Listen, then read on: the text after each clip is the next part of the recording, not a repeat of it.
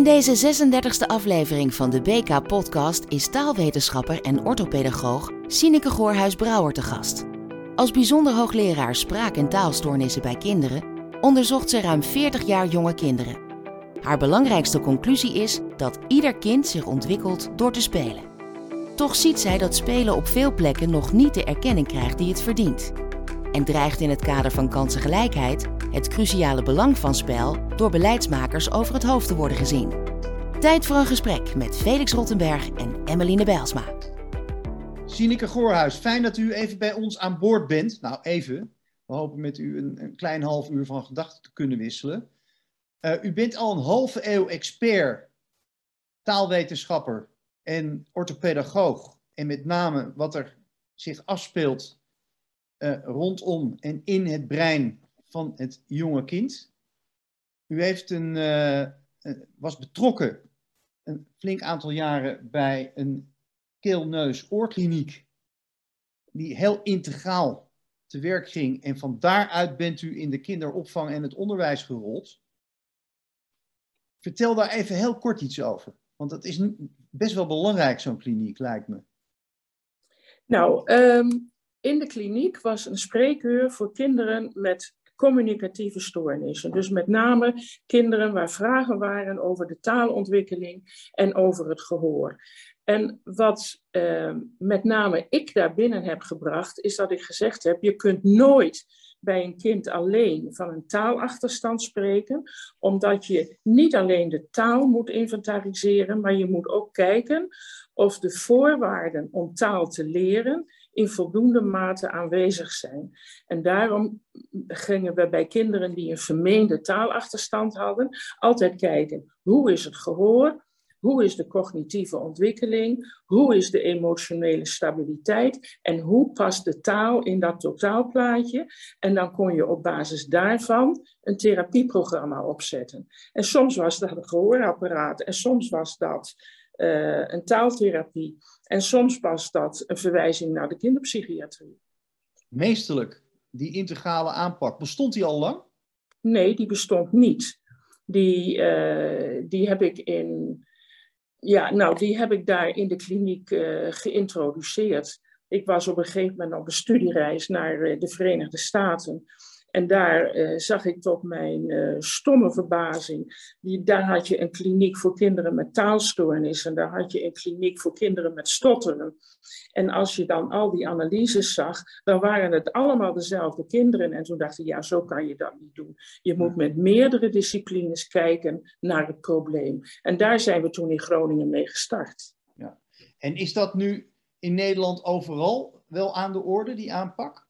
Ja, wel meer. Met name binnen de audiologische centra wordt dat uh, steeds meer gedaan. Oké. Okay. En zo bent u in het onderwijs en de kinderopvang terechtgekomen? Ja. Want op een gegeven moment merkte ik, dat was zo rond het jaar 2000, dat wij heel veel kinderen aangemeld kregen. Dat was ongeveer 40% van het aantal aangemelde kinderen, wat helemaal geen probleem had, maar wat functioneerde binnen de normale variaties van de gewone ontwikkeling. En toen ben ik mij in het onderwijs gaan verdiepen van wat gebeurt daar? En waarom maken leerkrachten zich zorgen over bepaalde kinderen, zodat wij die in de kliniek krijgen? Ja. En toen stuitte ik op het fenomeen CITO-toetsen. En Juist. toen bleek dat die een behoorlijke impact hadden over hoe men naar kinderen kijkt. En als kinderen niet aan het gemiddelde voldoen, en zeker iets onder het gemiddelde presteren, wat helemaal normaal kan zijn, dan werd dat geproblematiseerd. Dan was het al een kind met een probleem. Ja, en toen kwam u ook in de kinderopvang? Ja. Wat was de reden dat u ook meteen, of dat u ook naar die kinderopvang ging kijken?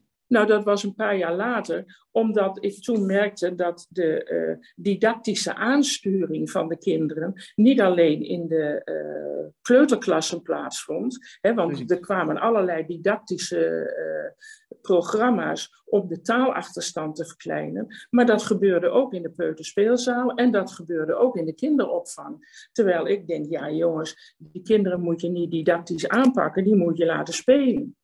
En dat statement van u is heel erg belangrijk geweest in 2018 ja. bij zogenaamde ronde tafel in de Tweede Kamer. Hè, de Ja. ronde tafels, daar worden experts uitgenodigd zoals u, ehm, die hun opvattingen vertellen, vaak gebaseerd op praktijkonderzoek, zeker in uw geval. En u heeft toen gepleit voor het loslaten van die CITO-toets onder kleuters. Ja, en dat is nu ook gebeurd. Want die CITO-toetsen, de, de, heeft de Kamer is daarin meegegaan. Die CITO-toetsen die hoeven ook niet meer. Maar wat je nu ziet, is dat er nu plaats gemaakt wordt voor observatieschema's. dus nu krijg je een, een, een kindobservatie. Ik, ik heb net de laatste eh, Wereld van het Jonge Kind gelezen. En daar wordt gepleit voor observaties voor kinderen. En dan denk ik, dat is een verkapte eh, eh, toetsmethode. want je gaat weer kinderen over een meetlat leggen. In, in, in het, eh, je noemde het net al heel even, namelijk dat het voor kinderen zo belangrijk is om te spelen. Ja. Kunt u aan ons uitleggen waarom dat zo belangrijk is? Wat gebeurt er dan met kinderen? Spelen, dat is iets wat met de ontwikkeling is gegeven. En je ziet bij alle kinderen allemaal op dezelfde manier spelvormen ontstaan. Gaat helemaal vanzelf. Dat is een ontwikkeling van binnenuit naar buiten. Het begint met het bewegingsspel en het taalspel. De eh, jonge babytjes die maken al allerlei geluiden. En dan kun je eh, spelletjes met ze doen door terug te brabbelen. Abbe, abbe, abbe. En dan heb je een taalspel. Ze bewegen ook van alles. Nou, dat is voor die kinderen oefening. Oefening, oefening. Dan krijg je rond de eerste verjaardag, dan krijgen ze door dat er een omgeving is waar ze ook los van kunnen functioneren. Dan krijg je het kiekeboekspel. Dat is een heel essentieel spel, want dan gaan ze de wereld ontdekken. En dan gaan ze ook ontdekken, als ik het niet zie, is het er dan nog wel? Dat is de start van de denkontwikkeling. En dan gaat de volgende spelvorm die dan komt, is dat ze heel goed de omgeving observeren en dat ze het nagaan spelen. Dan doe ik net als papa, dan doe ik net als mama. Dat is het imitatiespel. Dat is de basis van de sociale ontwikkeling. Dan gaat dat door. En dan op een gegeven moment gaat dat denken door en dat imitatiespel gaat door. En dan komen ze in de fantasiewereld. Want alles wat ze bedenken kan ook waar zijn. Dus dan heb je die kleuterperiode met een fantastisch rijke fantasie. Dat hele fantasiespel moet ook zijn ruimte krijgen, want daarmee wordt het denken verder ontwikkeld. Daarnaast mogen we dat bewegingsspel absoluut niet verwaarlozen, want ze hebben die beweging ook allemaal nodig. Nou, ik, ik heb in een voorgesprek al gezegd, ik had van de week filmpjes gezien van, uit het privéarchief van uh, koningin Elisabeth II. En dan zie je Elisabeth en Margaret over het gras hollen. Ja, of ik mijn eigen kleinkinderen zag. Ja. En als je daarna de filmpjes ziet van uh, Charles en Anne, die rollen net zo. Alle kinderen doen dat op precies dezelfde manier. En dan moeten ze die hele fantasieontwikkeling door. Dan wordt stabiliseerde denken zich. Dan krijgen ze op een gegeven moment, dan zijn ze zo rond zes jaar, krijgen ze door dat de wereld eigenlijk objectiever is dan ze hadden gedacht. Het is niet zo fantasievol, sommige dingen zijn gewoon zo.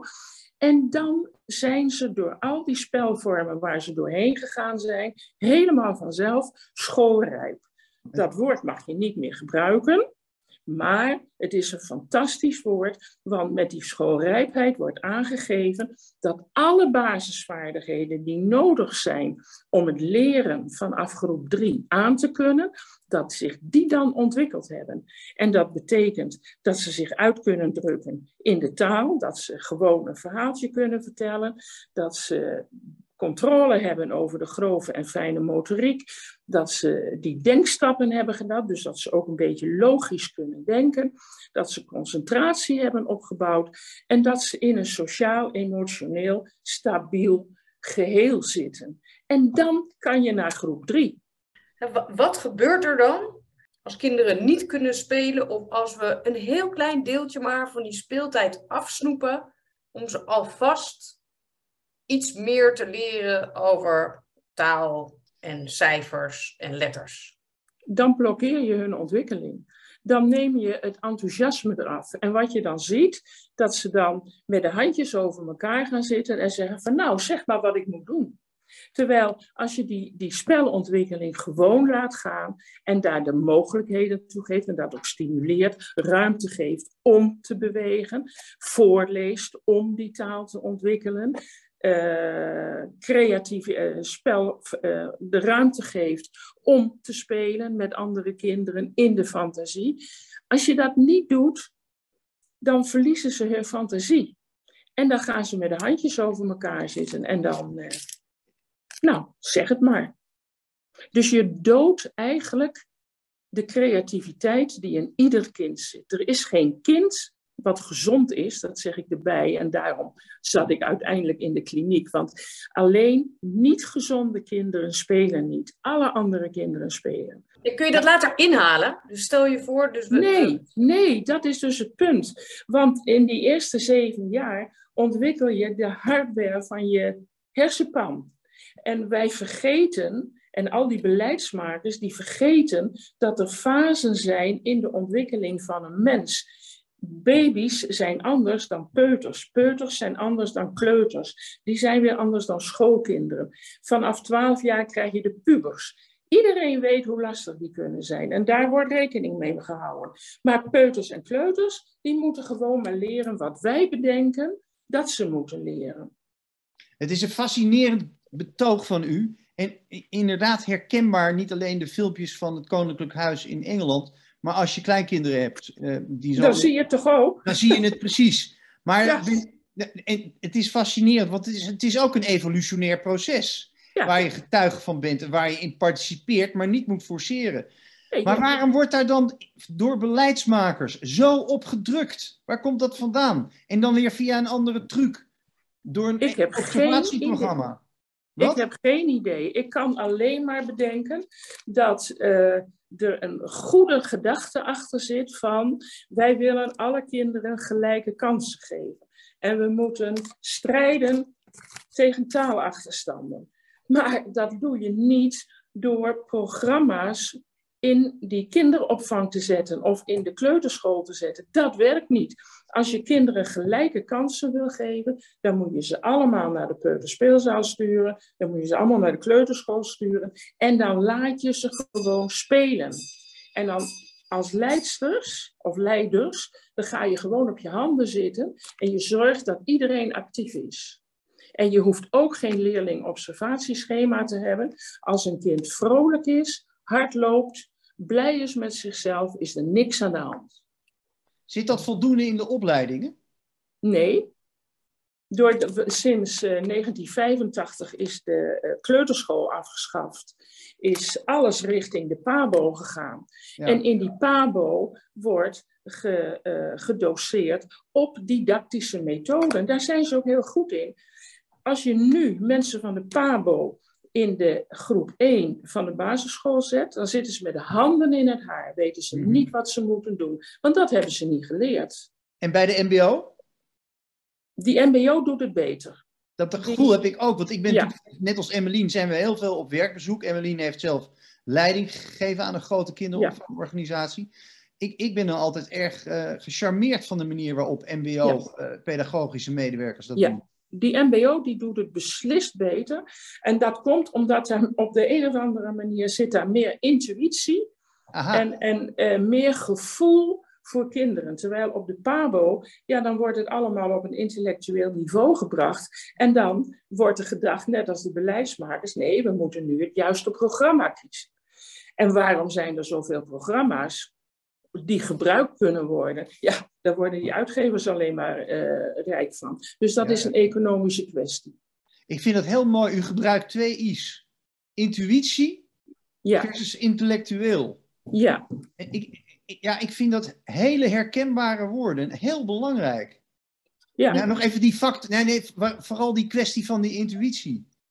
Ja, ik, nou, ik denk dat de mensen uh, op niveau van het uh, MBO, maar zelfs op het VMBO, maar dat zie je ook wel als de uh, klasseassistenten, die, ehm, dat zijn, het zijn vaak meisjes, maar die hebben die willen iets met kinderen. Die hebben een gevoel voor kinderen en die hebben ja, meer ruimte om gewoon naar het kind te kijken en daarop in te spelen. Dus die worden niet geremd door de methodes die ze geleerd hebben en die moeten bedenken welke methode moet ik nu toepassen. Speelt daar, is dat een beetje hetzelfde als uh, het debat wat wij soms hebben over leren door spel of spelend leren? Ja? ja, dat is dus een hele gemene tegenstelling. Want spelen, zoals ik dat net heb uitgelegd, door dat spelen leren kinderen. Hè? Spelend ontwikkelen kinderen zich tot schoolrijpe leerlingen. Maar spelend leren, dan is het toch weer dat wij als volwassenen bedenken wat het kind moet leren. En daar maken we dan een spelletje van. Maar weet je wat het kind dan zegt? Juf, waarom word ik van het spelletje zo moe? En dat is omdat het niet bij de eigen oh, fase van het kind past. Het past er niet bij. En dan krijg je dus ook dat kinderen afhaken. En dan met name jongetjes die denken van nou, uh, geef mij Porsche maar een Vicky. En die, uh, die kijken rond en die doen helemaal niks meer. En dan krijgen ze het stempel aan autisme-verwante contactstoornis. Of ze worden heel druk, want ze mogen te weinig naar buiten. Maar die energie moet er wel uit. Nou, dan krijgen ze stempel ADHD. We, we, zijn zo verkeerd met die kinderen bezig.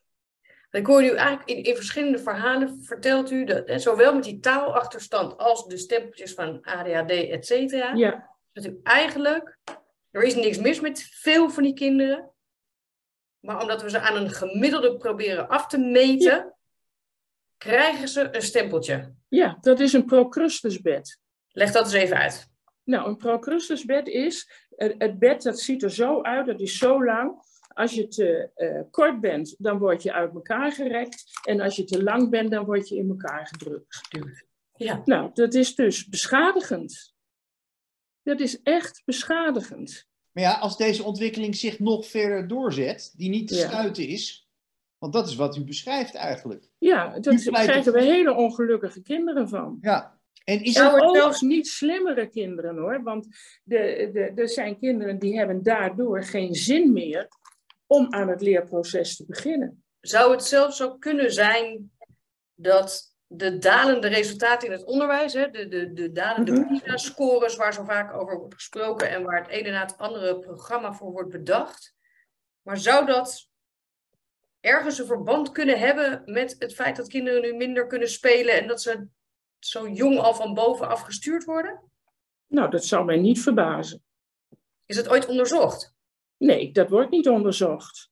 En hoe zou je dat ook moeten onderzoeken? Want dan moet je een, uh, een, een, groep hebben die helemaal mag spelen. Nou, dat wordt niet toegestaan.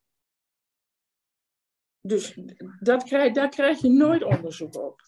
Als wij proberen uit te leggen aan mensen waarom wij dat spelen zo belangrijk vinden en wat we in plaats van dat spelen nu aan ontwikkeling zien, dan gebruiken we soms de term verscholsing. Ja. Dat is een soort rode lap op de stier, want dan wordt iedereen eigenlijk meteen heel boos uh, op ons. En, en ontkent ook dat dat aan de hand is, want op school is er ook heel aandacht voor spel. Hebt u een betere term? Nee, ja. Daarom heb ik die term schoolrijpheid weer ingevoerd. Ja. En gezegd van, je moet... Een van mijn boekjes heet Peuters en kleuters zijn geen leerlingen. Dus je moet denken vanuit die ontwikkeling, uit die neurologische ontwikkeling, hoe dat gaat, dat je je ontwikkelt van uh, uh, baby tot schoolkind, zes, zeven jaar. Ja. Dan ben je schoolkind, is een andere ontwikkeling. Dan krijg, he, die, die van baby tot uh, schoolkind is een ontwikkeling van binnen naar buiten. Vanaf zes jaar heb je de ontwikkeling van buiten naar binnen. Want dan brengen wij allerlei uh, dingen aan die hartstikke belangrijk zijn. Lezen, schrijven, aardrijkskunde, geschiedenis. Dat noem ik de software die je introduceert op de hardware die in de eerste zeven jaar ontwikkeld is. Ja. En dan krijg je school. Maar als je die school al in die eerste fase zet van 0 tot 7 jaar, dan noem ik dat toch verscholsing. Maar scholing vanaf 6 jaar is geen enkel probleem, is hartstikke belangrijk. Ja. Ja. En is het zo nou, dat, is dit heel erg Nederlands of is dit gewoon een Europese ontwikkeling? Het is uh, Amerikaans, Engels, Nederlands. Ja. Duitsland doet het beter. En in de Scandinavische landen doen ze het goed. En kunt u dat nog verklaren? Speelt gewoon de, uh, is dat het neoliberalisme? Is dat de economische uh, nadruk die dus hierin ook in doorcijpelt? Het is de economische nadruk, maar het, is de, uh, het begin zit in het Head Start-programma van de Verenigde Staten, mm -hmm. waarin het, het, de slogan was No Child Left Behind. Ja. Uh, maar goed, dat komt ook omdat de uh, achterstanden in Amerika en de verschillen tussen kinderen in achterstandswijken en niet-achterstandswijken in Amerika ook veel en veel groter is dan in Nederland. Wij, wij kennen die verschillen eigenlijk helemaal niet. Maar er is dus gewoon dat die ideeën van dat Head Start-programma hebben wij in Nederland onmiddellijk overgenomen. Ja.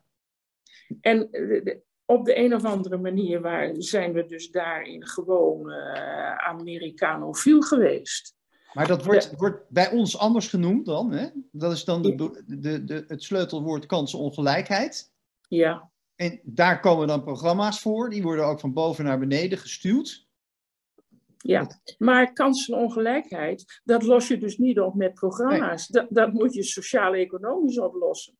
En dat betekent dat je moet zeggen, die kinderen, die, die moeten gewoon, laat nou kinderen allemaal heel gemengd. En hoe je dat voor elkaar moet krijgen, maar dat is ook een politieke beslissing. Maar gewoon geen zwarte scholen, geen witte scholen. Iedereen gewoon naar school in de buurt. En daar in die voorperiode spelen, spelen, spelen. Voorlezen, buitenspelen. En dan krijgen alle kinderen de juiste kans. Want al die kinderen doen dat op, die, op dezelfde manier. Spreek me zeer aan. Spreek me zeer aan, omdat je dan...